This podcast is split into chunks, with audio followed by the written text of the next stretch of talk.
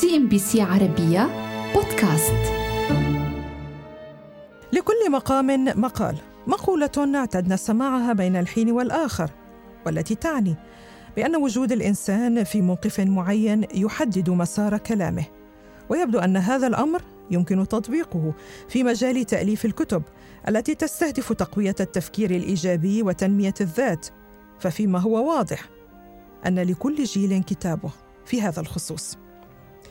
وبسبب أن غالبية الناس يسعون لمعرفة السبل لتحصيل الثروات والتمتع بحياة تخلو من المنغصات تنتشر المقالات والمنشورات والمقابلات التي تكشف الستار عن عالم الأغنياء وعادات الناجحين والمشاهير في محاولات للتسلل إلى عقولهم لمعرفة كيف يفكرون وماذا يفعلون على اعتبار أنك إذا قلدت الأغنياء ستصبح ذات يوم مثلهم.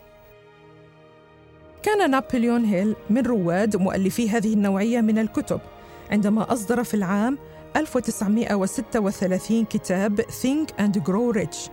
وبعد عشرين عاما جاء دور كتاب قوة التفكير الإيجابي لنورمان فينسنت بيل. وفي ثمانينيات القرن الماضي لمع اسم توني روبنز وتتالت المؤلفات بهذا الخصوص وصولا إلى العقد الأول من القرن الحادي والعشرين بصدور كتاب السر لروندا بايرن. شهرة كل كاتب من هؤلاء دعمتها الظروف المحيطة. فكتاب هيل على سبيل المثال الذي تم إطلاقه في أجواء الكساد الكبير ركز باهتمام على جني الأموال والثراء. بينما تطرقت أعمال نورمان فينسنت بيل والتي جاءت بعد الحرب العالمية الثانية إلى خلق حياة منزلية هادئة وسعيدة مع علاقات جيدة. وفي الوقت الذي استهدفت به كتب روبنز في الثمانينيات أزمات منتصف العمر والتشجيع على تحقيق الذات. لذلك ليس من المستغرب أن يكون كتاب السر لبايرن والذي تم إطلاقه في عصر وسائل التواصل الاجتماعي محملا بالنرجسية الفردية من زاوية أن مركز الكون هو الأنا وبسبب إصدار كتاب السر في تلك البيئة التي ساعدته على الانتشار السريع فقد انقسم القراء ما بين مؤيد ومنتقد للأفكار والتجارب التي روجت لها الكاتبة الأسترالية. السر هو ببساطة قانون الجاذبية وينص القانون بشكل أساسي على أن كل ما يستهلك أفكارك هو ما ستحصل عليه في النهاية. لذا إذا فكرت في كل الأشياء التي لا تريدها في حياتك فستحصل فقط على الأشياء التي لا تريدها. على النقيض من ذلك إذا تخيلت فقط الأشياء التي تريدها في حياتك فستحصل على كل ما تريده. فمبدأ البرمجة اللغوية العصبية يقوم بحسب مريديه على تغيير أفكارك السلبية المترسخة في عقلك الباطن واستبدالها بأفكار إيجابية محفزة.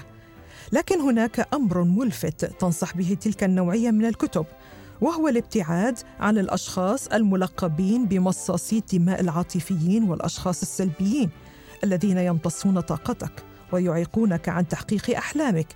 الأمر الخطير في تلك التوجهات هو التصنيف السطحي لأنماط الشخصيات من جهة وحث الناس على الابتعاد عن أي شخص يصدر لهم مشاعر سلبية بقصد أو غير قصد. فكل ما يهم في التحفيز الذاتي هو الذات وكل من يثني عليها ويدللها. تشير آراء الكثير من الخبراء في علوم النفس أن الملفت في الغالبية العظمى من كتب التنمية الذاتية. أنها تقول الشيء نفسه بشكل أو بآخر. فكلها تصب في خانة. اهتم بأفكارك الخاصة. كن ايجابيا وركز على أهدافك. تجاهل الشك الذاتي والنقد. وتخيل ما تريده في مستقبلك. وبالانتقال إلى كتاب السر الذي يركز على فكرة أن الكون يتكون من طاقة وكل طاقة لها تردد فأن نفس الشيء ينطبق على الأفكار التي تنبعث منها أيضا ترددات وتجذب ما يشابهها من طاقة سواء كانت سلبا أم ايجابا. بيد أن منتقدي الكتاب يقولون أن فكرة السر التي طرحها الكتاب ليست سرا. يشير علماء النفس أن ما يسمونه بالتفكير الإيجابي الوهمي يمكن أن يكون له عواقب سلبية لأنه كلما حاول الناس التخلص من الأفكار غير المرغوب بها زادت هذه الأفكار من حجم سيطرتها على المساحة العقلية لديهم.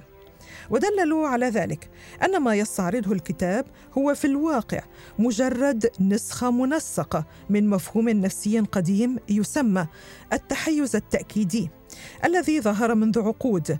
ويعتبرون أن نظرية التحيز التأكيدي هي أكثر منطقية بكثير من معتقد الأفكار باعتبارها اهتزازات فبحسب تلك النظرية فإن البشر لديهم قدر محدود من الاهتمام لجميع الأشياء التي تدور حولهم.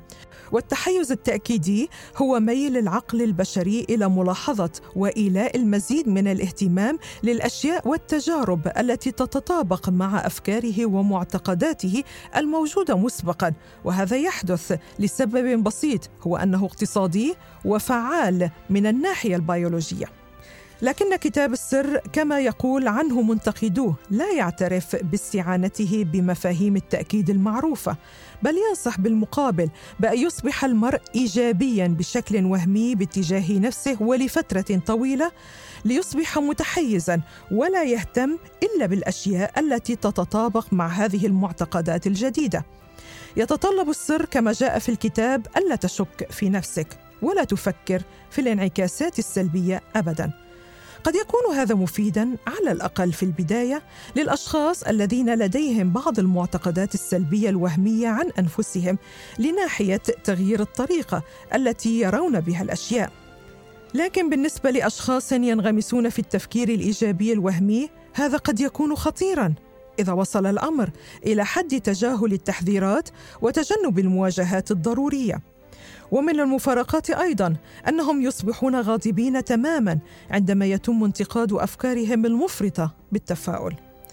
من ضمن المفارقات أيضا أن قانون الجذب ينص على أنه إذا فكرت فقط فيما تريد فسيأتي إليك وهذا سيشجعك دائما على الرغبة في شيء ما وعدم الاكتفاء ابدا وهذا يمكن أن يجعل البشر أقل رضا وسعادة على المدى الطويل.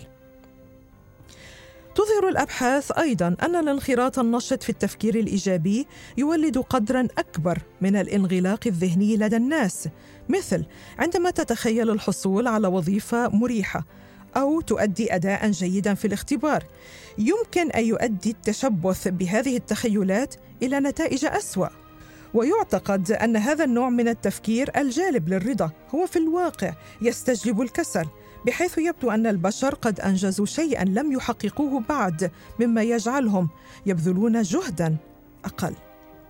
ويشير خبراء علم النفس والاجتماع أن تغيير حياة المرء وتحسينها يتطلب جهدا وهي عملية مؤلمة ومليئة بالمقاومة كما يحدث مع العضلات التي لا يمكن تنميتها دون تحديها بوزن أكبر. في كتابه فن اللامبالاة يقدم مارك مانسون نقدا لاذعا للتيار الذي يطالب الناس بأن يظلوا سعداء وإيجابيين وطموحين ويقول ردا على ذلك. إن الرغبة في المزيد من التجارب الإيجابية هي تجربة سلبية بحد ذاتها وللمفارقة أن قبول المرء لتجاربه السلبية هي تجربة إيجابية في حد ذاتها. ويضيف مانسون أننا في الحقيقة نعيش دائما على قدر من عدم الرضا لأن من شأن الكائن غير الراضي وغير الآمن أن يبذل المزيد من الجهد ويحارب من أجل بقائه. فالألم بصورة أو أخرى وسيلة لدفع الجسد للفعل. CNBC عربية بودكاست.